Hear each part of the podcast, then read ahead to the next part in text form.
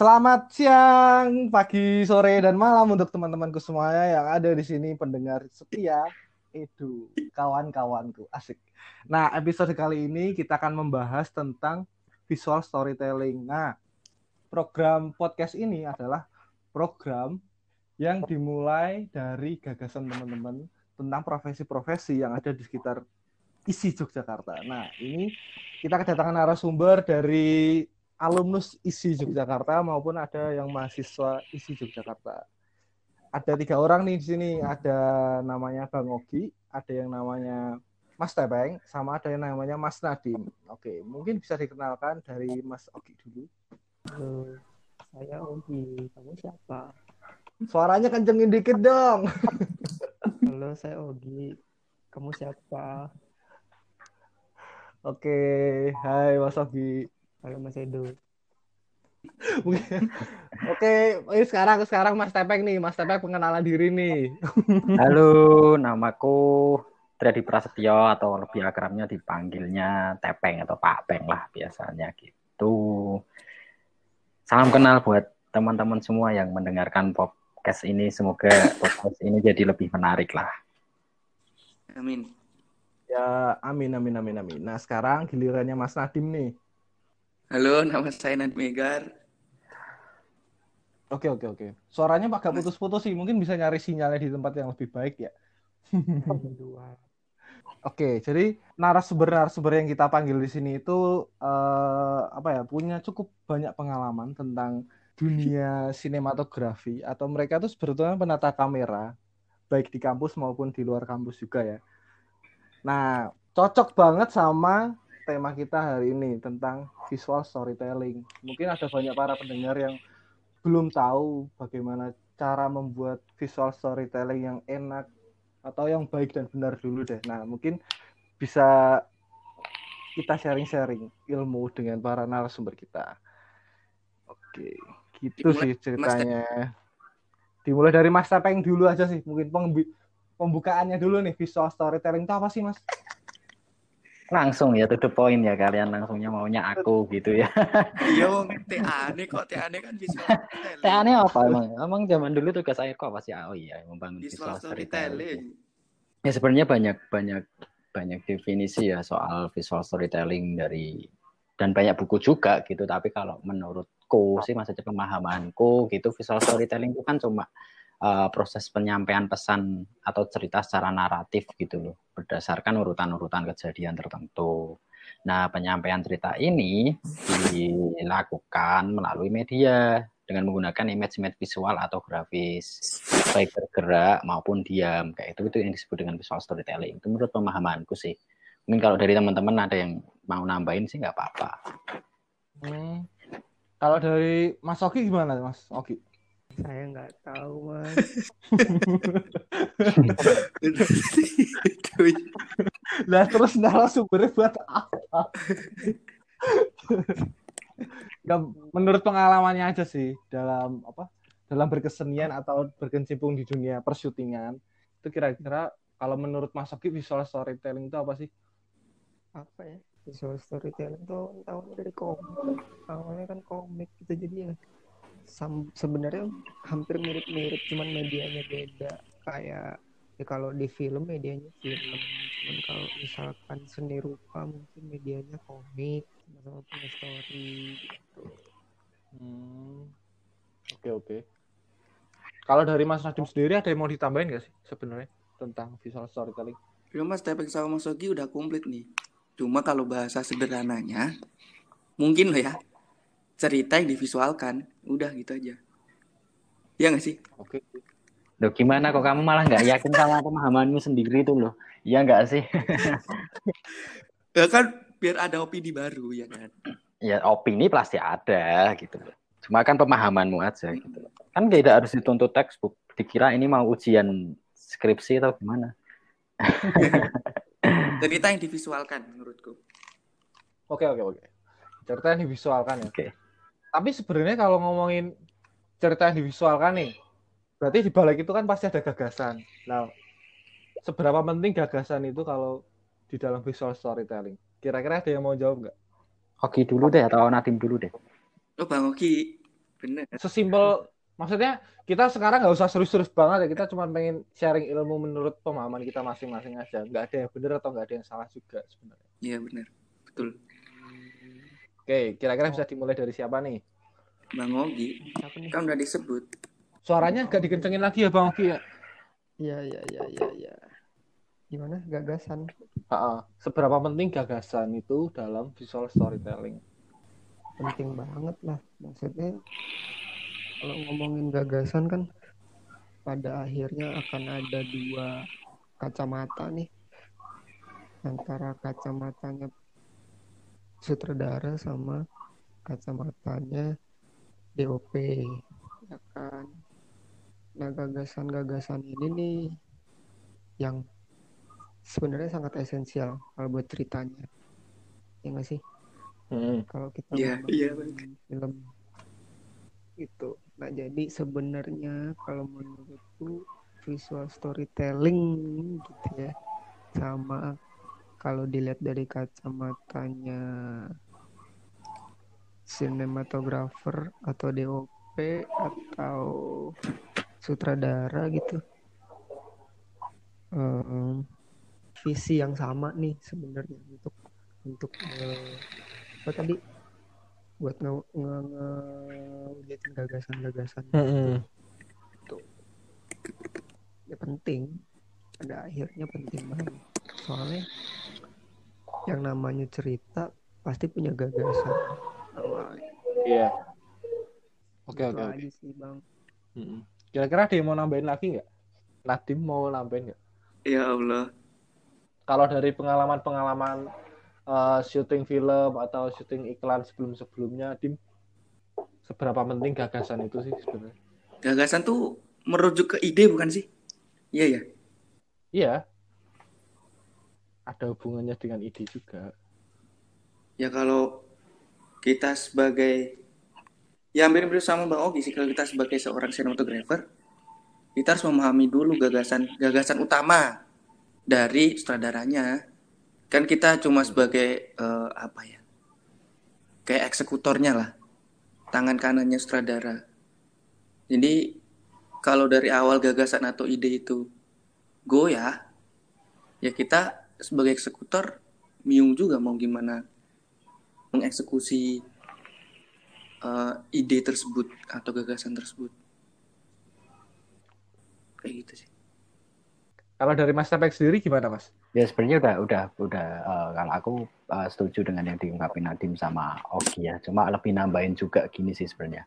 Nah, di ranah sinematografi sendiri ya sebenarnya kan eh, tugas atau tanggung jawab utama sinematografer itu kalau menurut pemahamanku ya salah satu tanggung jawabnya kan menjawab sublimasi seorang sutradara. Maksudnya sublimasi sutradara itu kan sutradara itu kan selalu punya apa ya? Selalu punya keinginan, selalu punya punya apa ya dalam bahasa psikologi dia punya selalu punya fantasi, punya id, punya ego dan super ego gitu loh. Nah, sinematografernya adalah bertanggung jawab untuk menjawab sublimasi itu gitu loh. Kalau misal ditarik gitu secara secara latar sta- sejarah gitu, eh, apa sih perbedaannya fotografi sama sinematografi? Pada akhirnya ngomongin ke situ juga kan. Iya, iya. Ya kan, kalau perbedaannya sebenarnya pada objek yang ditangkap kan gitu. Kalau fotografi kita menangkapnya objek tunggal gitu, kalau sinematografi kita kan na- nama nangkapnya lebih ke objek bergerak. Makanya ada yang nak disebutnya adalah motion kan gitu. Jadi sebenarnya tugas tugas sinematografer itu tidak hanya memenuhi eh, ego atau keinginan si director ya, tapi juga dia punya punya hak dan andil untuk mendukung apa yang jadi keinginan si sutradara sebenarnya kayak gitu.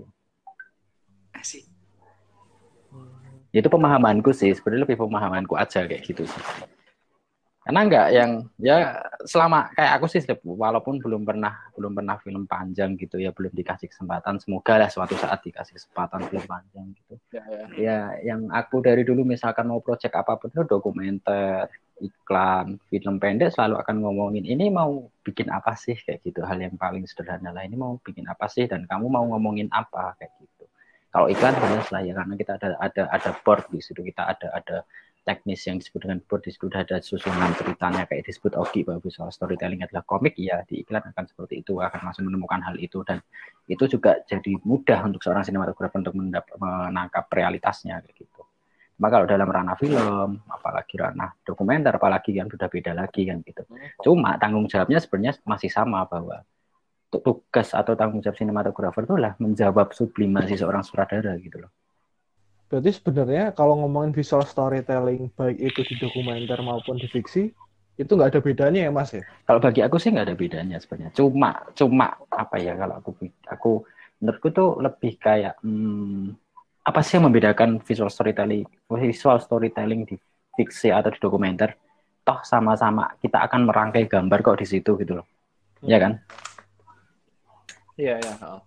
Mungkin dari teman-teman tuh muncul aku pancing kayak gini deh dengan kalimatku tadi kan pasti akan muncul muncul eh, gagasan-gagasan baru yang pernah didapatkan mungkin Nading selama pernah syuting film panjang gitu atau Oki juga pernah syuting film panjang kan pasti akan nemuin ketika ngobrol dengan DOP juga ngobrol dengan director kan pasti akan nemuin juga Hmm, kira-kira ada yang mau ditambahin nggak tuh, Pak Ogi sama Nadim?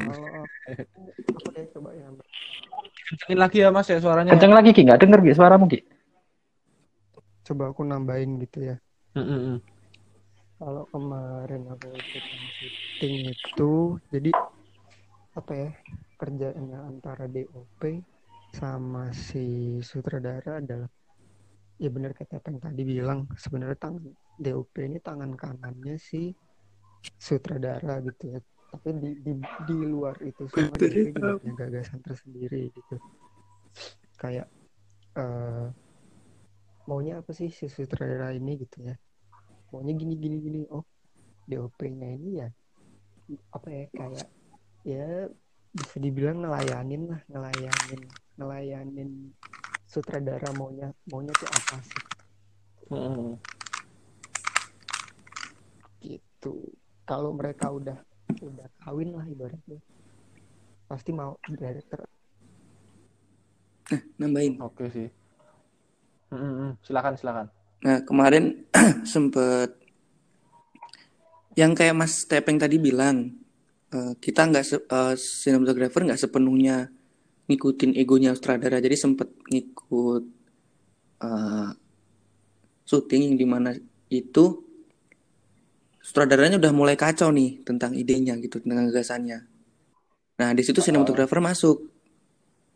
Jadi kayak mengingatkan lagi, katanya mau kayak gini gitu. Jadi eh, mereka saling bekerja sama. Terus dari obrolan itu muncul dari sinematografernya kalau kayak gini aja gimana? Nanti kan selanjutnya tuh pengennya kayak gini gitu. Jadi ada ada gagasan lain dari sinematografer untuk memenuhi gagasan sutradaranya di awal itu yang sedikit goyah. Gitu. Oke. Berarti Ya, bisa. ya. Bisa jadi pengingat juga.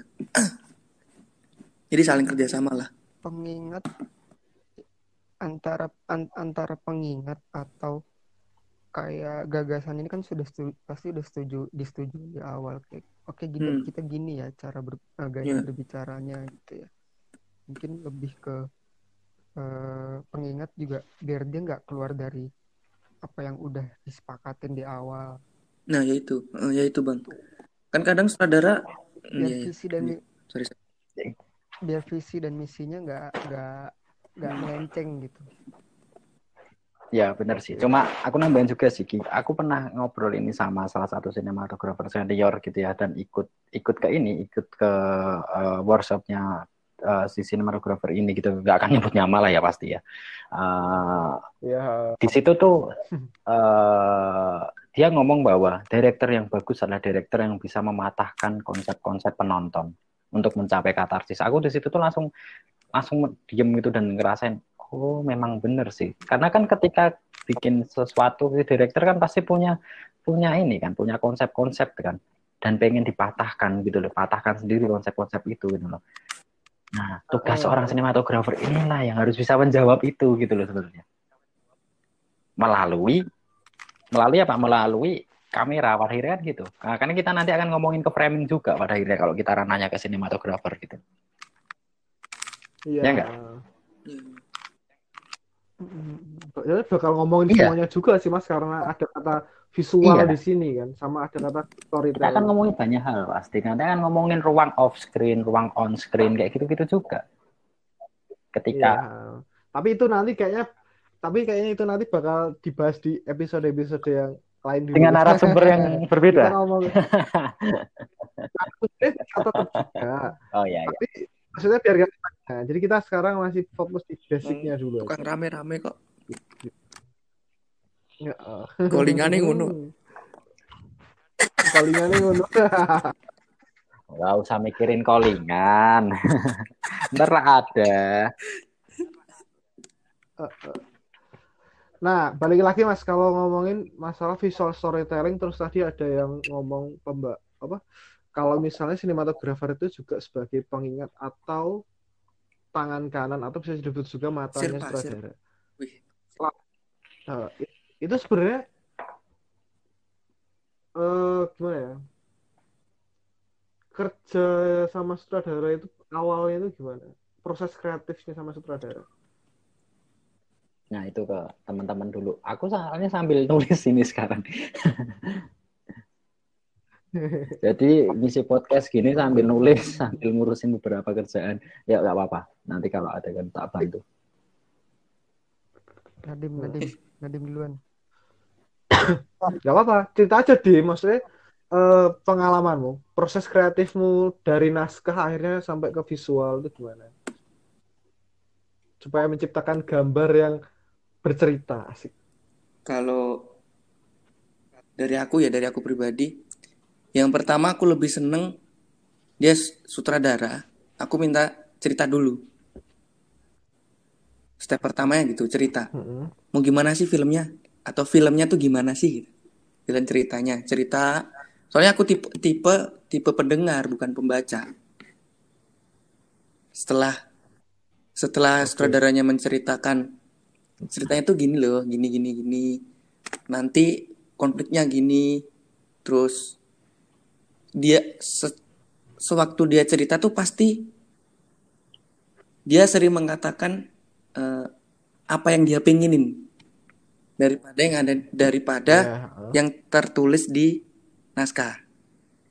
Hmm. Setelah Oke. setelah nangkep nih, oh pengennya kayak gini, terus baca, baca di naskah. Nah, ada beberapa yang meleset, ada beberapa yang eh, sesuai dengan apa yang diceritain gitu. Nah, yang meleset-meleset ini nih, Mm-mm. yang jadi poin yang jadi yang jadi poin pertama aku bahas. Setelah ketemu, karena karena yang yang sesuai apa yang diceritain sama yang di naskah kan, oke lah, berarti emang udah udah udah sesuai. Kalau ada poin-poin yang misal sutradaranya ceritain di naskahnya kurang cocok, nah aku mulai masuk di situ. Kayaknya kayaknya lebih lebih enak atau lebih cocok kalau kayak gini deh gitu. Proses kreatifnya sih lebih lebih lebih ke situ arahnya. Jadi tipikal yang aku tipikal yang mendengarkan baru membaca. Hmm. Nah, itu kalau Nadim kan tipikalnya yang pendengar ya. Kalau Mas Sofi sendiri gimana Mas? Proses kreatifnya sama sutradara-sutradara atau filmmaker yang lain itu kayak gimana?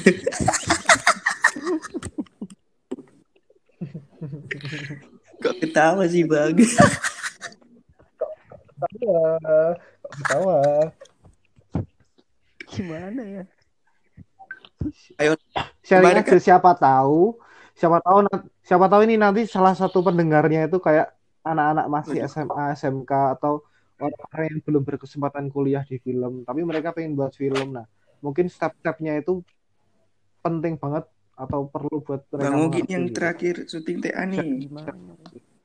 pasti masih merasakan euforianya lah. Gimana? Aku kalau Nadim lebih mendengarkan, kalau aku lebih ngebaca sih sebenarnya. Maksudnya kayak di scene ini eh setnya seperti apa gitu misalkan. Nah di set ini si tokoh ini ngapain ya? Apa yang dirasain? Terus kenapa dia melakukan itu? Yang gitu-gitu sih terus baru diterjemahin kayak eh ya mau di yang mau ditekanin tuh di sini ini apa sih sebenarnya? Tuh kayak aku kayak pernah juga ngobrol ngobrol gitu produksi gitu mau mau jadi kameranya gitu Terus ngobrol Hmm. kayak eh, di sini nih pengen apa sih gitu kan kalau yang aku tangkap jadinya kok gini ya bener nggak sih Gitu.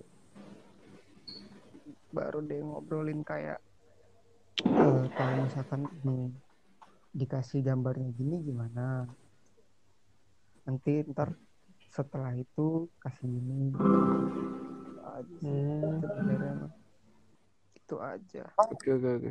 Berarti ini ya, berarti mulai ngasih kayak referensi gambar sama referensi warna juga nggak sih? iya Apa belum sampai situ? Eh, perta- pertama pertama kan ngobrolin maunya gimana gitu kan. Nah setelah ngebaca ngebaca tuh kalau aku tuh bayangannya kayak gini setnya set- setnya tuh eh, ini gambaran cah- pencahayaannya mau gimana gitu gitu. Ya ref- Hmm. reference visual lah. Nah, tadi kan udah statement dari Bang Oki ini yang kalau ngomongin eh, dia itu tipe sinematografer yang mendengar, yang suka mendengar, sama suka membaca juga. Kalau Nadine suka membaca, suka lebih suka mendengar. Nah, sekarang giliran Mas Tepeng nih. Kalau proses kreatif sama sutradara-sutradara atau pembuat film sebelumnya kayak gimana, Mas? Oke, kalau aku sih ya sebenarnya melengkapi dari dua-duanya itu yang mendengar, yang membaca, dan satu lagi sih dan meriset kalau aku observasi lah.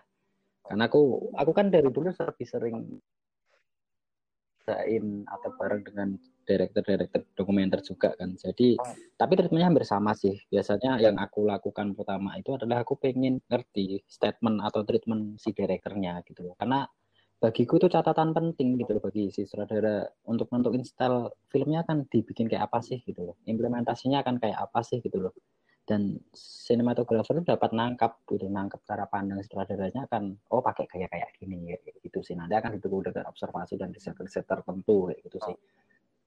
Ya, misalkan dalam konteksnya film fiksi gitu pun aku akan pertamanya pasti ya tak baca adalah skenario karena skenario kan jelas tuh tulang punggung sebuah film kan. Karena di skenario itu kan aktivitas produksi itu kan bertumbuh di situ gitu loh. Dan informasinya juga jelas ada informasi gambar informasi suara gitu. Nah tapi tidak lepas dari itu juga gitu loh di mana aku tetap harus aku selalu minta uh, director statement atau director treatment gitu kalau misalkan direkturnya nggak bisa nulis pun aku biasanya lebih banyak akan mendengarkan dari statement-statement si direkturnya kayak gitu sebenarnya hampir mirip sih karena ya yang itu tadi balik lagi ke tugas dan tanggung jawab seorang DOP atau seorang sinematografer kan ya kita mendukung gitu merealisasikan Iya. proses sublumasi si sutradara kayak gitu. Nah, kan tadi ngomongin proses kreatif antara sinematografer sama sutradara. Terus udah dijelasin sama Nadi, Mas Soki, sama Mas Tepeng. Nah, sebetulnya ada hal-hal khusus gak sih yang sinematografer harus tahu dari sutradaranya? Kayak misalnya director statement, film statement, atau gagasan-gagasan dari sutradara, atau kira-kira apa lagi? Ya sebenarnya kan gini itu kasusnya itu ketika ketika seorang seorang sinematografer diajak untuk berkolaborasi bersama sutradara kan otomatis sebenarnya sutradara pun juga udah ngerti style si sinematografer kan kayak gitu.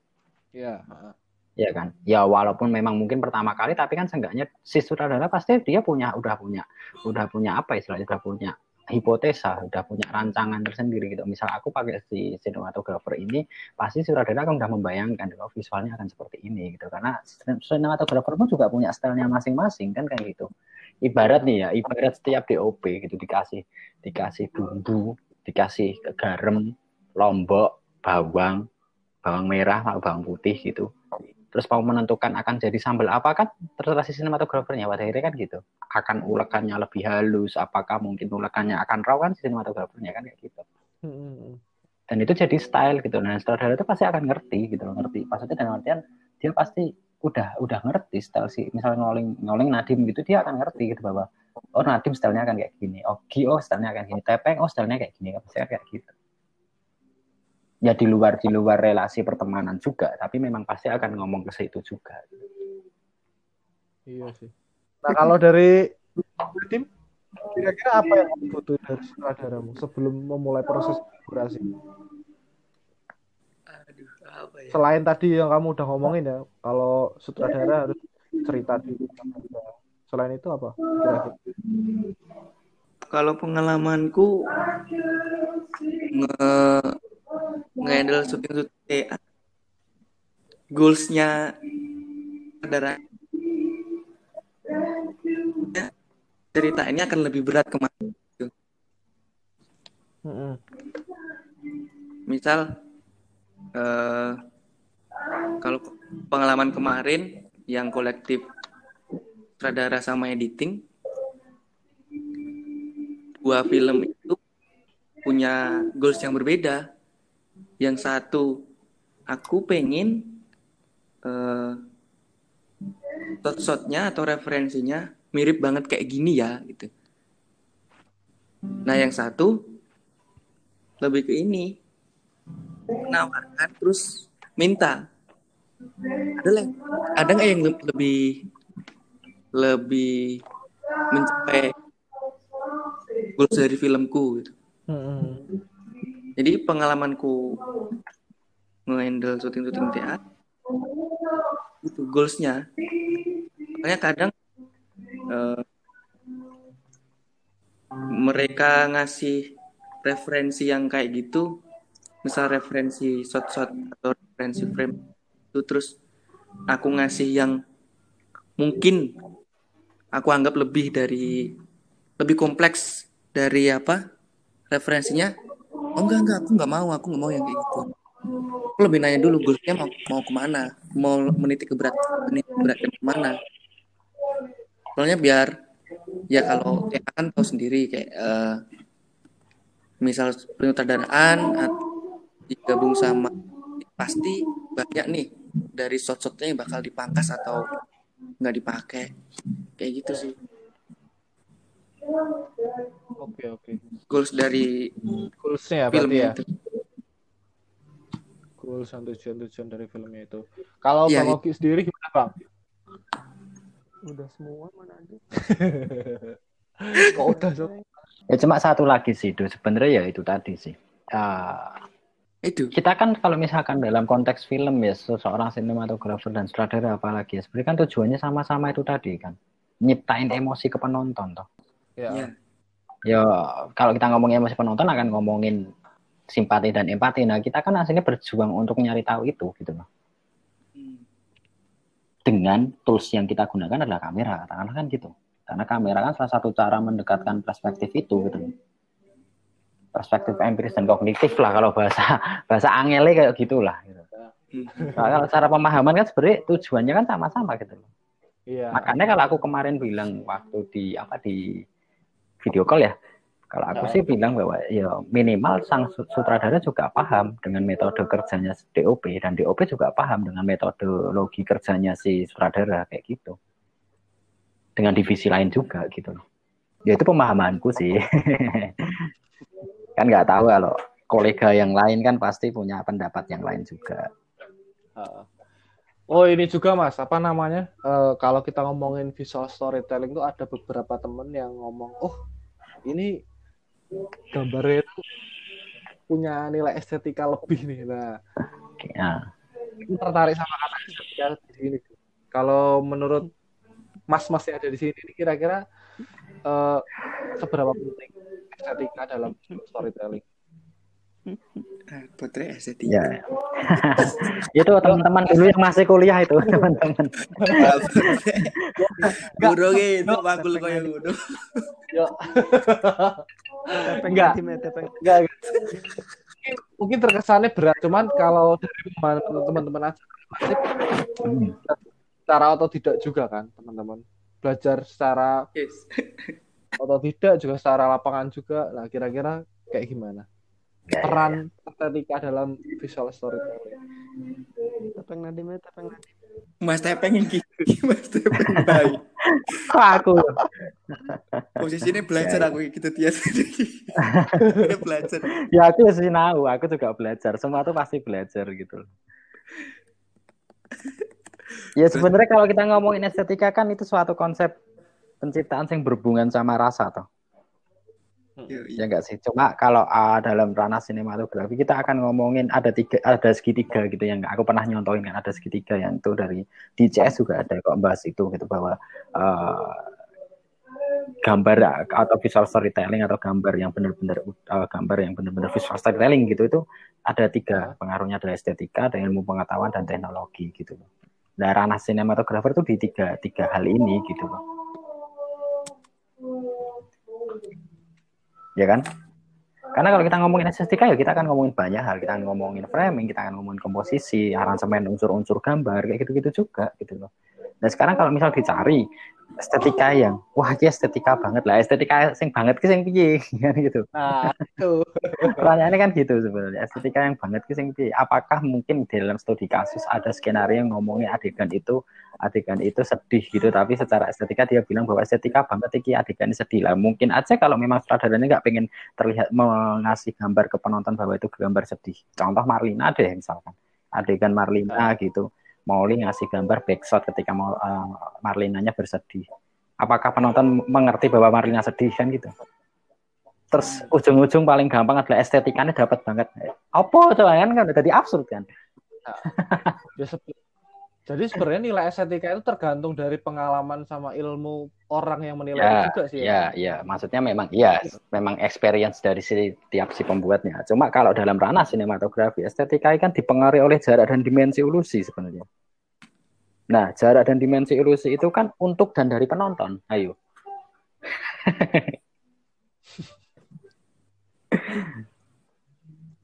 Ayo, biar coba. Misal nih sebagai contoh. Ya aslinya ki aslinya ki asik kita ngobrolin ini cuma cuma ya memang kalau di di frame langsung visual storytelling ya akan seru banget tuh. Pasti itu Hmm. karena kita akan ngomongin banyak hal. Ya karena unsur basic memang visual storytelling. Itu akan menjawab semua style-style yang ada pada setiap film kayak gitu. Iya. Tapi kalau bagiku itu tadi sih nggak sem- nggak semua gambar bisa dikatakan estetika karena banyak faktor lah estetika yang seperti apa dulu kan gitu. Karena kan hubungan sama rasa. Iya, benar. Ya karena pada dasarnya nilai estetika kan tergantung pengalaman tadi kayak udah dibilang tadi. Iya. Pengalaman pembuat film juga pengalaman si penontonnya juga. Ya misal aku seneng dengan adik aku seneng misalkan secara te- secara style aku seneng dengan kontras set like kayak gitu. Mau adegan adegan have, eh, adegan yang beauty, adegan yang pernikahan atau lagi adegan drama cinta yang mendayang dahulu tetap pengen tak bikin kayak gitu gimana? Hmm. Ya kan gitu. Iya. Ya karena experience itu gitu lah. Aku mendapatin estetika rasa bahwa puncak cinta ketika adegan berciuman aku pengen ini dibikin set like misalkan.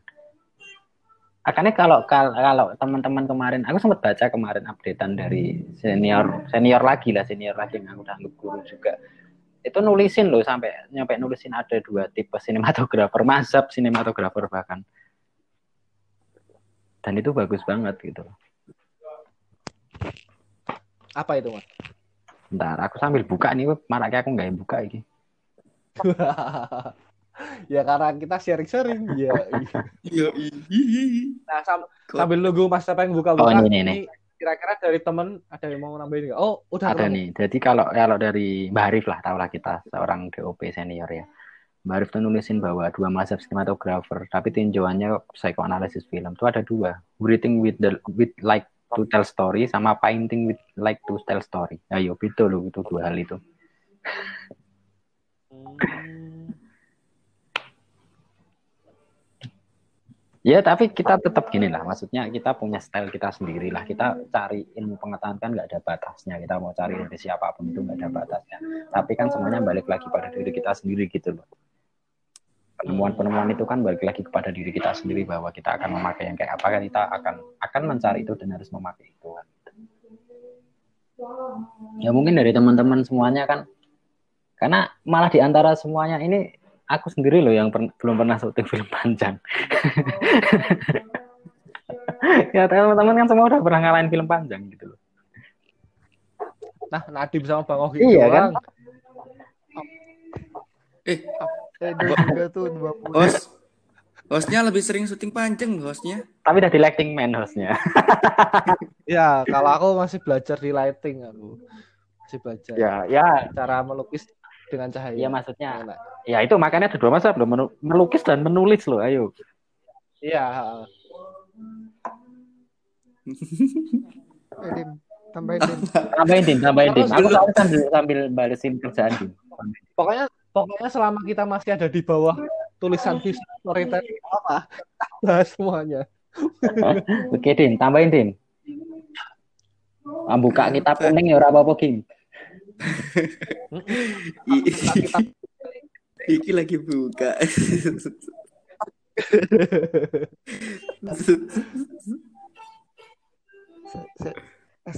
Yang dimasuk yang dimaksud dengan estetik tuh yang gimana sih sebenarnya? Ya, itu.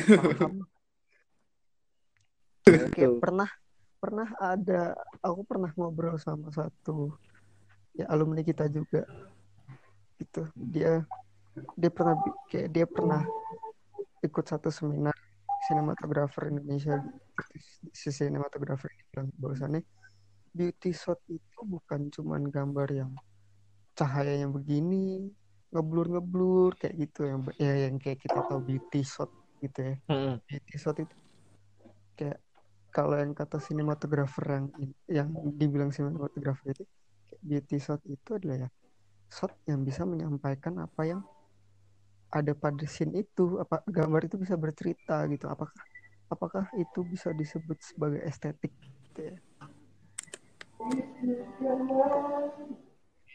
Apakah apakah itu yang disebut estetik gitu? Nggak ngerti juga. Aku nanya. Nah kalau menurutku sih balik lagi kayak kayak tadi obrolan sama Mas Tepeng karena setiap orang tuh punya pengalaman sama punya nilai sendiri tentang estetika punya pemahamannya sendiri. Jadi cukup susah untuk menyamaratakan estetik orang ini dengan estetik orang itu. Tidak ada Sebenarnya bukan sebenarnya sebenarnya bukan susah, tapi gini loh, kayak estetika aku menganggapnya kayak gini. Misal kita ngerti bahwa sambal itu harus pedas gitu loh. Iya kan? Bahwa rasa sambal itu pedas Iya. kayak gitu loh. Cuma pedas manis, pedas asin, pedas asam. Nah, ini kan menurutku pembahasan estetika secara rasa pedasnya gitu loh. Bukan pembahasan estetika secara secara estetika gitu loh. Tapi kita udah negang bahwa pedas, pedas dalam estetika, eh pedas. Bum, apa? Sambal dalam estetika itu ada pedas gitu loh. Esensinya adalah pedas. Kalau aku sih lebih ke situ gitu loh nangkepnya. Analogiku ya, analogiku kayak gitu sih. Iya. Masuk sih, masuk, masuk, masuk. estetik Karena abot, bahas estetika ki abot. Aku dari dulu ki bahas estetika estetika. Zaman aku tugas akhir skripsi, ki mau mau dibantai nih masalah estetika serius. ah, menurutmu apa? Memang. Menurutmu apa? Emang menurut ini ki apa? Ya ora juga sih. Nah, kui juga sih, Mas. Nah. Eh, dosen dosen kita tuh siapa sih, Dip? Estetika, Dip? Dosen kita estetika, eh ada kelas estetika kan? kurang gitu. Oh iya. Aku lupa dosennya. Kelasnya juga nggak terlalu menyenangkan. Makul estetika di kampus bukan makul wajib. Ya, Nah, itu. se- secara terus SKS yang terpenuhi jarang yang ngambil estetika. Ya, Kalau anak kampus ya. Hmm. Cuma kayak makul tambahan yang SKS-nya kurang-kurang. Kayak gitu. Bentar, aku aku pernah baca masalah itu sih, bentar. Tapi nggak apa-apa sih sambil dilanjut aja. Heeh. Nadim tadi kayaknya mau nambahin, udah baca-baca juga. Enggak, Wah, gimana ke buka buku ya? Tapi bukuku nih solo tiga kabeh. Orang itu balik. Ya, ya, makanya malah buka tulisan-tulisan lawas. aku pendengar.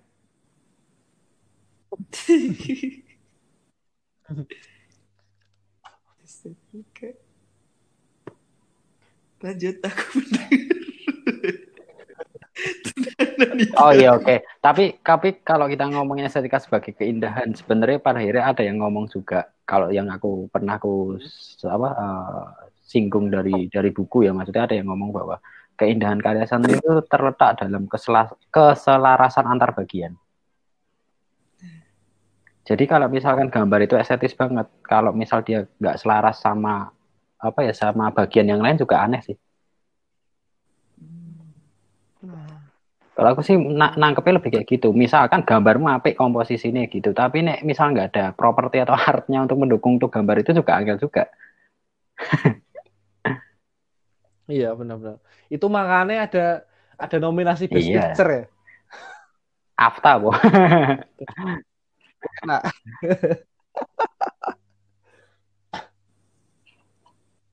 Ini menarik sih. Ini ngomong keselarasan. Karena kita ya, ya makanya kalau aku bilang tadi adalah sebenarnya kela- keselarasan dan harmoni gitu loh. Iya kan? Hmm. Karena sa- membentuk satu kesatuan, unity, dan itu harus jadi harmonis secara keseluruhan. Ya kalau kita nyebut dalam film ada bahasa sinematik ya itu harusnya memang selaras secara sinematik baru kita akan mencapai mencapai ke estetik gitu. Kalau aku sih kayak gitu ya. itu kayak apa namanya kema- kemarin aku lihat storymu tentang eh ini sih mas yang gambar kalau misalnya oh ini nggak ada lighting jadinya kayak gini nggak ada produser jadinya kayak gini misalnya Itu cuma Ya, sebenarnya. itu juga Iya. itu juga jadi kayak gambaran juga kan kalau misalnya film tuh juga nggak cuman satu atau dua divisi doang yang kerja di Hmm. dalamnya tapi ada banyak juga butuh keselarasan juga dalam Ya, ya. Makanya kan sebenarnya kalau visual storytelling, kalau aku makanya eh, sebenarnya harus ngomongin style pasti, tapi juga ngomongin harmoni pada akhirnya kayak gitu. Eh, apa lagi? gila gila menghela nafas dulu sambil baca-baca Baca-baca. Untung aku masih punya catatan-catatan. Hah, kira-kira dari teman-teman ada yang mau ditambahin nggak teman-teman yang lain kayak Bang Ogi, Nadim belum ini udah lumayan lama sih ya podcastnya ya udah hampir Iki baru visual storytelling lho, dong bahas elemen-elemen yang jero visual storytelling ranah sinematografi lho. Dek, buka skripsi ini Mas Tepeng ah. Ngapain? Nggak valid kurang valid kurang akeh.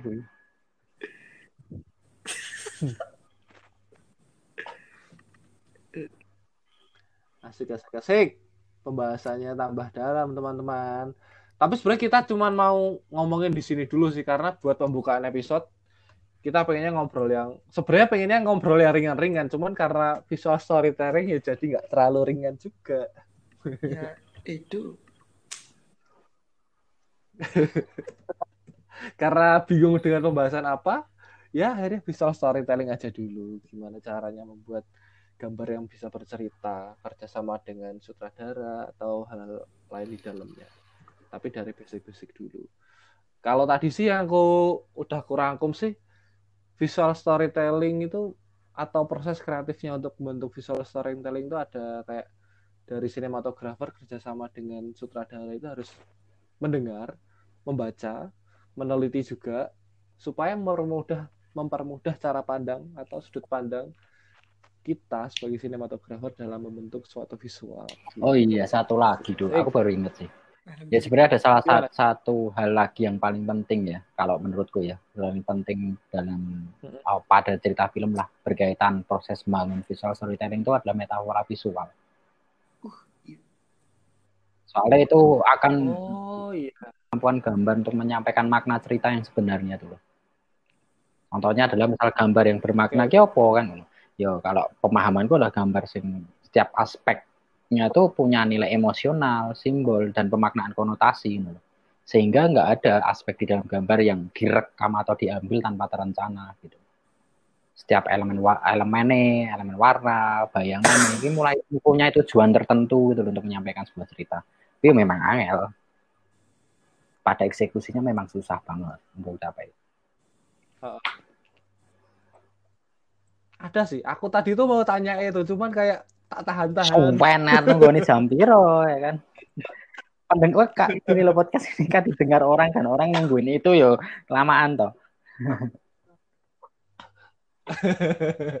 ya enggak, enggak maksudku eh, akan sangat panjang banget kalau kita ngomongin visual metafor ya kayak tadi sama ngomongin itu tadi. Tapi kalau ngomongin intinya sebenarnya kan ya gimana cara kita ini sih kayak merangkum sebuah visual terus kita masukkan ke dalam satu frame bla bla bla bla bla bla dengan tujuan tertentu gitu kan. Jangan jangan ngomong frame sebenarnya kan rangkaian rangkaian shot.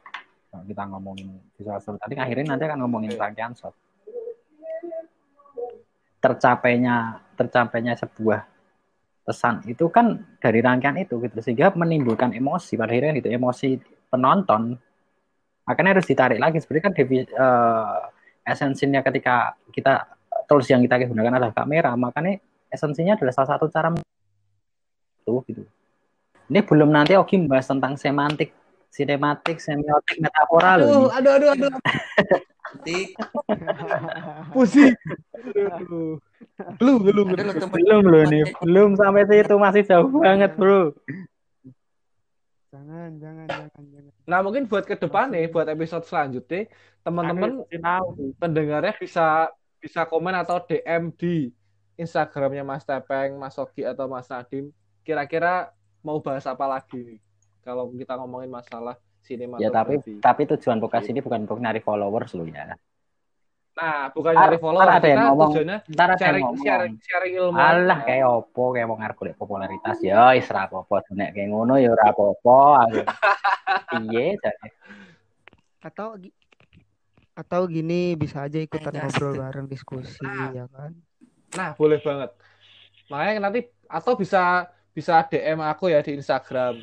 Nanti kayaknya habis ini kita bakal ngasih notes gitu buat Instagram kami masing-masing. Nanti kalian bisa milih aja mau tanya ke siapa gitu. Biar bisa gabung di episode selanjutnya yang membahas tentang sinematografi. Oke, balik lagi ke pembahasan tadi yang visual metafor. Kalau dari Bang Ogi sendiri nih, gimana pendapatnya? Gimana? Yang visual metafor, kok yang mana? Visual, aduh, dijebak anjing. Langsung aja Ki ke elemen-elemen aja Ki. Ke elemen-elemen aja. Enggak maksudnya eh supaya pendengar juga tahu, oh ternyata dalam visual storytelling ada visual metafor. Oh di dalam visual metafor itu ternyata ada elemen-elemen. Nah, elemennya apa aja? Nah gitu. wah banyak banget dong. Ya yang kira-kira kira-kira dibutuhin aja sih, yang basic-basicnya aja sih. Sih, kalau ngomongin visual metafor gitu ya, kan balik lagi berarti harus kita harus harus ngelihat ke naskah sama gaya si sutradaranya juga Nah. gitu. Kalau menurutku sih, kalau menurutku pada akhirnya kan seperti itu. Gitu. Kita nggak bisa nggak bi- nggak bisa kita salah-salahan tiba-tiba. Aku mau ngasih shot ini kayak gini, soalnya gini gini gini gini. Maksudnya nggak nggak nggak nggak nggak tuh kalau Iya, iya. Naskahnya. Karena tak tambahin Ki, karena ya bener dibilang Oki, memang kita akan balik lagi skenario. Karena apa? Ketika kita mau bikin visual, katakanlah visual storytelling atau visual metafor, objek kita itu cuma skenario kalau dalam film fiksi. Iya kan? Hmm. Ya karena apa skenario? Ya karena ah, metode dan objeknya ada di skenario gitu loh.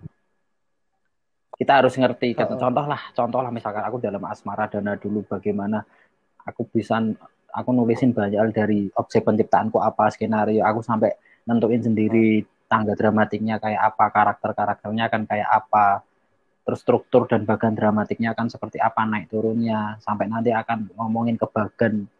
Jawa dramatik skenario nya sendiri. Oh ini nanti ke sini ini ke sini. Pada akhirnya nanti aku bagi jadi ada eksposisi pemaparan konflik dan banyak hal.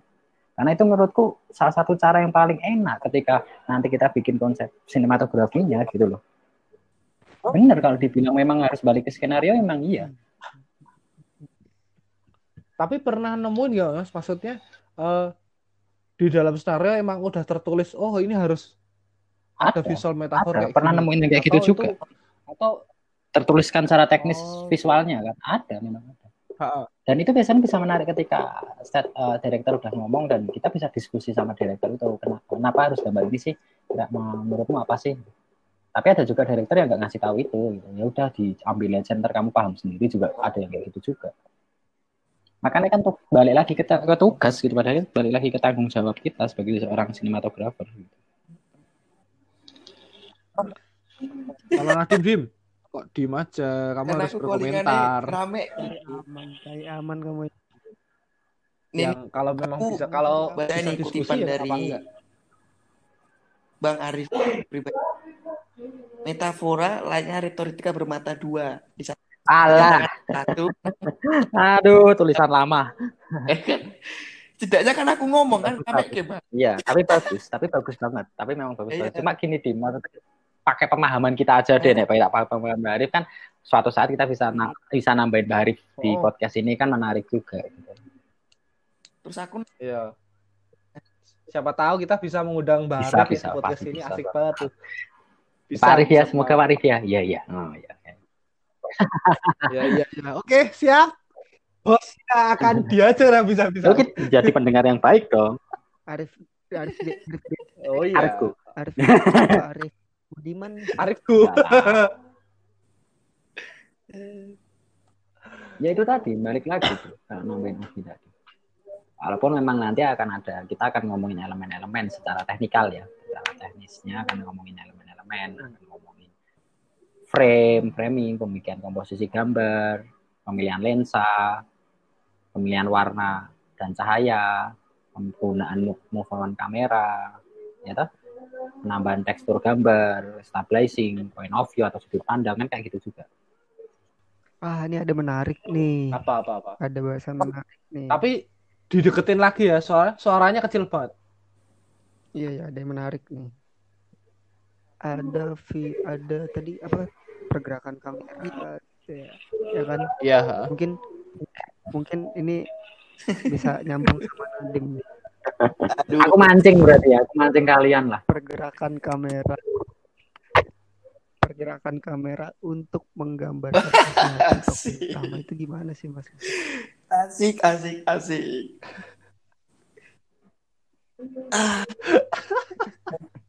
Gimana gimana? Bisa diceritakan? ini ini bisa disebut Eh. visual metafor nggak sih Bisa juga kan? Menurutku bisa. aku belum berkepikiran sampai situ tapi kayaknya bisa sih. Heeh. Gimana? gimana? Kalau yang kalau yang sempat aku tulis kemarin, ya kan, pergerakan kamera eh, salah satu teknis yang sangat kuat untuk membangun emosi tokoh. Kalau menurutku ya, soalnya misal nih, eh, secara teori dulu deh, misal dinamis atau kamera movement. Itu berarti dinamis itu sesuatu yang bergerak. Dynamic shot berarti pergerakan kamera.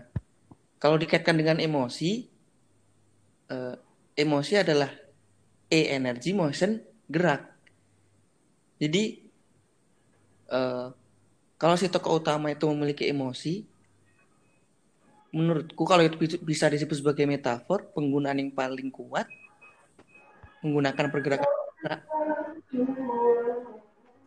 untuk biar nyampe ke penonton nih at- emosinya. Soalnya emosi itu beda dengan perasaan ya. Kalau emosi gini nih emosi itu eh, yang berujung ke tindakan. Apa yang dirasakan oleh eh, apa yang dirasakan oleh tokoh berujung ke suatu tindakan. Kalau perasaan itu cuma dipendem. Jadi nggak ada nggak ada pergerakan apa pun tuh oleh eh, si si tokohnya. Jadi perasaan sama emosi, jelaskan dulu ya perasaan sama emosi sesuatu yang berbeda. Nah mungkin kalau bisa dikaitkan kayak yang Bang Ogi, bisa nggak ya dikaitkan sebagai visual metafor? Baru kepikiran juga kayaknya bisa sih. Namun Bisa, kalau menurutku eh, bisa. dibentuk menggunakan teknis gerak. Soalnya ya itu tadi kalau merujuk dari teori emosi sama dinamis tuh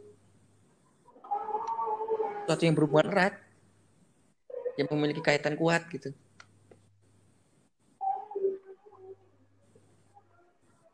Itu sih kalau yang kemarin aku tulis. Oke, oke. Bang Oki mau nambahin? Astaga. Bang Oki tidur, Po. Jika misal ada gerakan ada pergerakan Iya, iya, kamera nih, misal adegannya nulis. Di tulisan itu tuh pasti ada sesuatu yang pengen disampaikan oleh penulisnya kan. Misal frame pertama dari dari dari dari buku yang ditulis. Terus pada akhirnya akan tilt up sedikit panning terus tilt up ke ke arah ekspresi. secara tidak langsung sinematografernya pengen ngasih tahu eh, si tokoh ini nulis tuh nggak nggak cuma sekedar nulis. Tapi ada ada ada sisi kuatnya di situ. Mungkin emosi emosinya yang dia eh, berharap akan tulisan ini dibaca oleh orang lain atau emos apa tulisan ini mengutarakan perasaannya dibentuk dalam sebuah tulisan. Nah, makanya perasaan sama emosi sesuatu yang berbeda. Seru ya. Enggak lah, Oh iya dong. seruan visual storytelling untuk komposisi dinamik. Ya, Mas Tepeng. Aku mau coy bingung. Raja Aku yang nulis aja dulu awalnya bingung kok. Tapi itulah proses bro, Maksudnya itulah proses lah, proses kreatif tuh kayak gitu. Akhirnya paham. Maksudnya aku juga nggak nuntut Hmm. diriku harus paham dulu gitu enggak, tapi udahlah aku tulis aja dulu, aku ikutin ritmenya. Akhirnya paham juga. Oh ternyata gini. Dan akhirnya juga menemukan celah-celahnya sendiri. Oh celahnya di sini, oh ininya di sini. Masa Nggak ada salahnya. Sorry sorry. Nah, kalau kalau kalau menurut Apanya? Nadim tadi. Ya nggak apa-apa sih kan itu perspektifnya Nadim. sekarang. Lolos gak iki, lolos gak iki. Ya monggo-monggo aja kan aku bukan dosen juga lah, ngawur aja. Pertanyaanku kan, pertanyaanku kan, apakah itu bisa disebut sebagai visual? apakah itu menjadi bagian? Ya dia mau ngomongin apa secara secara visualnya itu gitu loh. Di dalam filmnya ada katakanlah. Baliknya kan statement sederhana itu, pertanyaan sederhana itu. Filmnya ngomongin apa, visual yang akan disajikan apa kan gitu. Penonton nangkep nggak emosinya itu kan gitu. Iya, iya. Maksudnya gini loh, kita tuh mikirin hal-hal yang oke lah, detail kecil-kecil, tapi kita lupa sama hal yang besar gitu loh. Ya, Kamu bikin film mau buat siapa kan gitu pada akhirnya. proposalnya udah kekirim. Nggak apa-apa. Paling itu santai. Emang bener sih masa-masa belajar intensif Ya, eh, anak-anak film eh, nggak ada semua semua yang kuliah A. itu baru ngerasa Yo, aduh aku banget lima tahun ini gitu. Ya enggak lah. Dari dulu ke mana aja kan gitu. Iya tapi emang menurutku nggak juga sih. Malah malah TA tuh kayak jadi bagian dari rangkuman tentang apa yang udah kita pelajari. Dan keahlianmu, sih. dan keahlianmu di bidang Ada. apa dan di konteks apa ngono kan semakin dikerucut gitu. Heeh. Hmm. Mm-mm. Ya kayak ya kayak misalnya aku wis. Aku misalnya yang syutingan Jobo nih fiksi tapi TA aku dokumenter.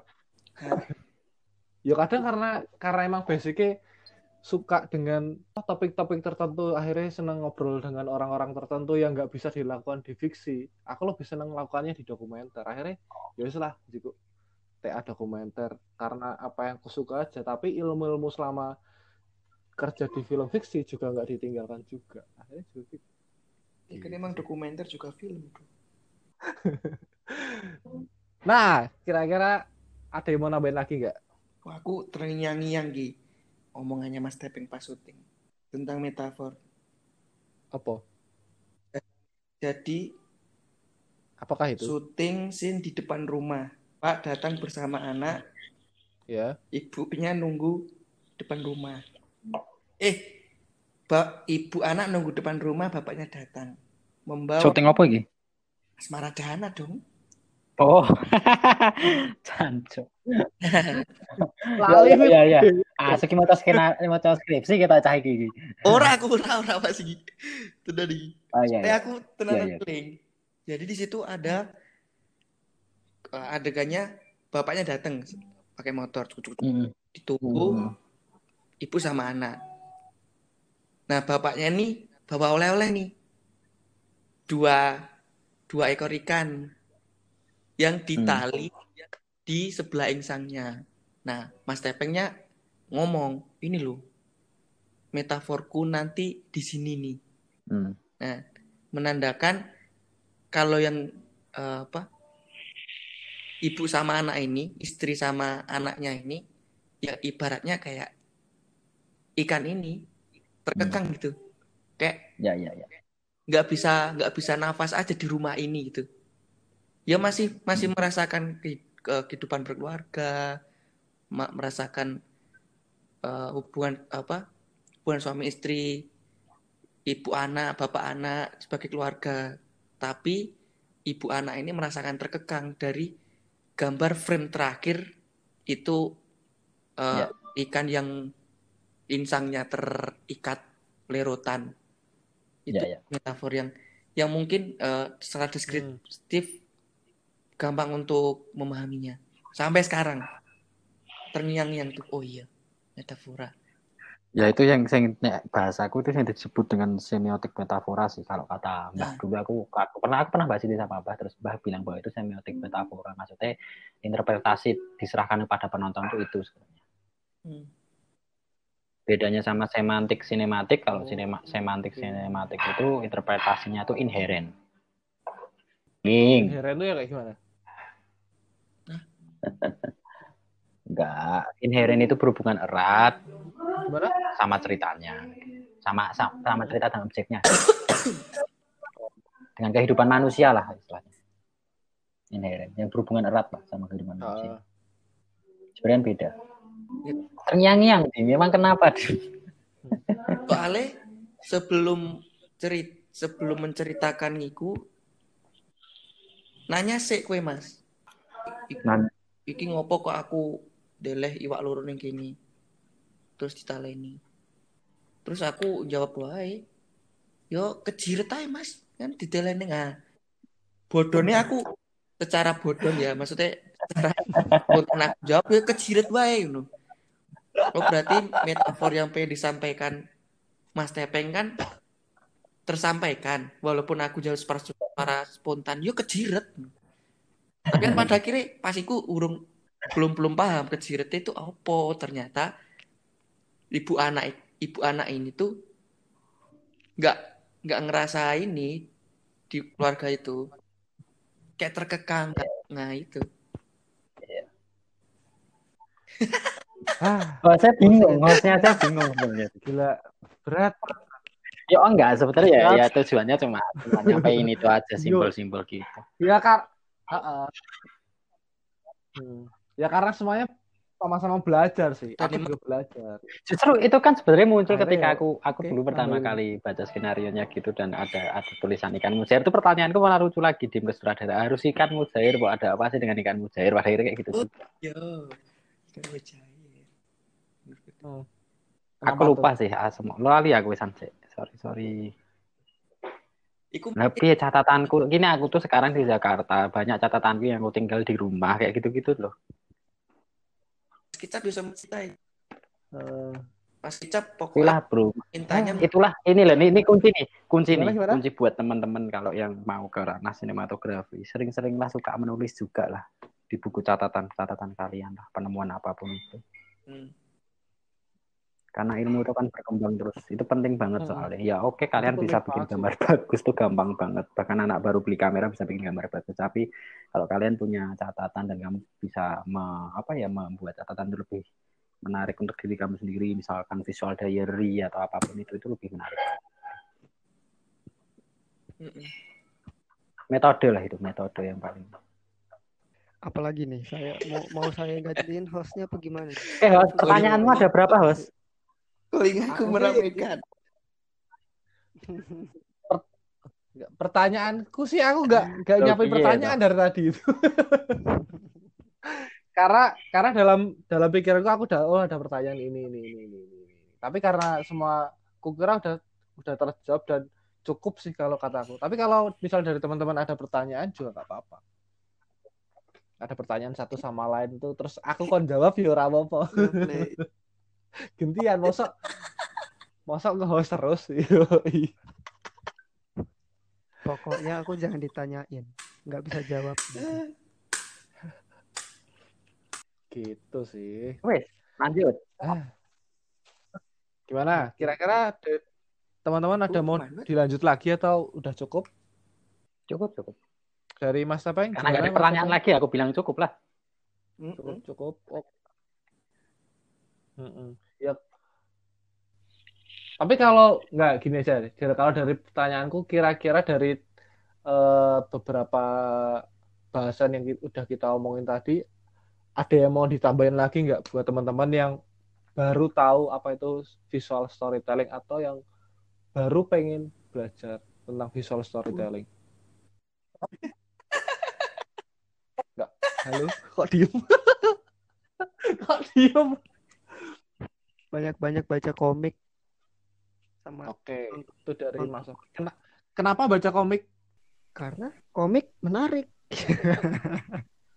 Nggak nggak ya gimana ya kayak kayak kalau film kan ada ada motion gitu. Kalau kalau komik kan memang dia bukan motion ya hampir sama kayak foto story tapi dia kan komik gitu deh frame-nya juga tidak 16 banding 9 gitu. Sama-sama visual storytelling cuman beda beda beda beda media dan aku pikir juga kayaknya komik itu banyak banyak banyak frame-frame menarik aja sih sebenarnya bisa kita pelajarin gitu. Bener sih. Aku juga pernah nganggep nganggepnya kayak gitu. Soalnya belajarku dari sebelum kuliah di film pun juga aku suka-suka baca komik dan sempat jadi kayak bikin komik sendiri gitu. Dan itu juga jadi salah satu syaratku bisa masuk isi bikin Wah, storyboard ini sendiri. apa ini? Asik. Mahasiswa Iya, tenan cowok. Eh, ini ke kerekot ya, ya? Oh, wah kerekot. Aduh. Ya, nah, kalau dari Nadim sendiri gimana, Nadim? Eh, mau pertanyaannya apa tuh aku? Aku tekan apa maksudnya Oh, gini, gini. sorry, sorry, sorry. Lah aku ya lale, maksudnya ya belum profesional. Sorry. Sorry teman-teman karena ini yang episode satu jadi banyak kekurangan ya. Namanya juga manusia. Apalagi kita cowok. Namanya juga manusia. Rasa ketawa, Dim. Nggak usah ketawa. Perlu Gini, di podcast ini juga, Dim. Wah, wah, wah. Oh, Aku aja. janganlah, janganlah. Kasihan, kasihan. Jadi gini, eh, kira-kira dari kamu ada pesan buat teman-teman atau ada yang mau yang ditambahin nggak dari bahasan kita tadi buat teman-teman yang baru pengen Kalau belajar aku- tentang visual storytelling? Nonton film banyak eh, apa ya? Buat- Nganalisis.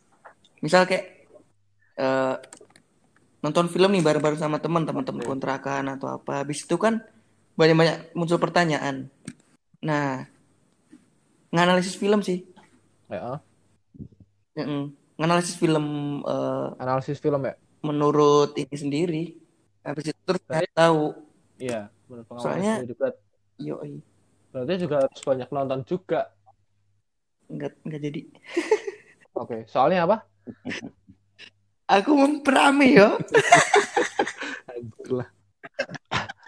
Oke. Eh, itu tadi dari Mas Nadim. Kalau dari Mas Ya, Sepeng, sih. Mas? Menempatkan segala sesuatu sesuai dengan porsi dan tempatnya aja sih. Karena kan semua bukan karena unsur indah, nggak indah maupun cuma hiburan toh. Tapi pasti ada sebuah pesan dan kesan yang ingin disampaikan toh melalui melalui tuntutan naratif atau visual storytellingnya sendiri. Dan ketika kita ngerti fungsi dan konsep yang akan digunakan pada setiap proses produksi sih itu jadi poin utama untuk dapat direalisasi dengan baik baik baik dan sesuai dengan tuntutan cerita gitu apalagi pembangunan karakter dalam film juga kan. Dan yang jelas sih banyak-banyak jelas banyak-banyak nonton banyak-banyak baca banyak-banyak mengobservasi itu juga penting sekali banyak-banyak riset kayak gitu. Dan jangan takut untuk mencoba lah coba aja gitu. Ketika dapat kesempatan tuh misalkan gini dapat kesempatan untuk men-DOP atau menjadi seorang sinematografer di film project film ya ambil aja jangan takut gitu. coba aja nggak apa-apa ibarat anak-anak baru mau belajar bermain bola tuh ya jangan offset esek lah jangan diajarin offsetnya lah jangan diajarin offset pelanggaran jangan tapi biarkan dia nendang dulu aja gitu intinya kan tendang ya dulu Practice make perfect. santai aja Siap, siap, siap, siap, siap. cukup lah Oke. Cukup? Halo, Cukup, Mas?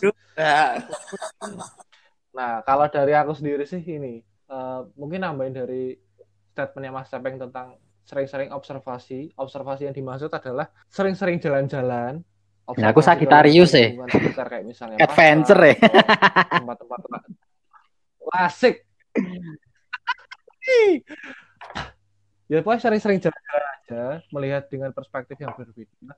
Dibiasakan untuk melatih obrolan dengan orang-orang supaya melihat oh ternyata kalau orang ini dengan pekerjaan seperti ini punya sudut pandang seperti ini seperti itu sih menempatkan mata sebagai kamera Dan dan ini juga tuh jangan cuma belajar dari film lah, belajar Belajar juga dari dari cabang ilmu lain lah. Apalagi ini mumpung mumpung lockdown atau mumpung masa karantina gini kan Ya. ada banyak kelas-kelas gratis kayak gitu kan kita bisa belajar di situ. Oh, banyak banget lah, nggak bisa nyebutin satu-satu. Banyak Hmm. banget. Bener banget, bener banget. Soalnya kalau kita ngomongin film, sebenarnya juga ngomongin masalah yang lainnya juga sih. Nggak cuman film doang, karena film film tuh kayak cuman medianya doang. film sebenarnya kan semua unsur seni masuk tuh teater, musik, pertunjukan. Ya nggak sih? Mm-mm. Nah, jadi jadi penting untuk mempelajari itu semua juga. Gitu. Karena saya harus melanjutkan kewajiban saya. Oke, oke. Ah, terima kasih buat teman-teman yang sudah mendengarkan. Nah, mungkin kalau misalnya teman-teman pengen apa namanya, pengen tanya kepada salah satu narasumber atau ke host bisa tanya aja. Ini Instagramnya. Jadi kalau Instagramnya Oki Sati itu apa Mas? Mas Oki? Punya Instagram. Apa ini? Anjir lah.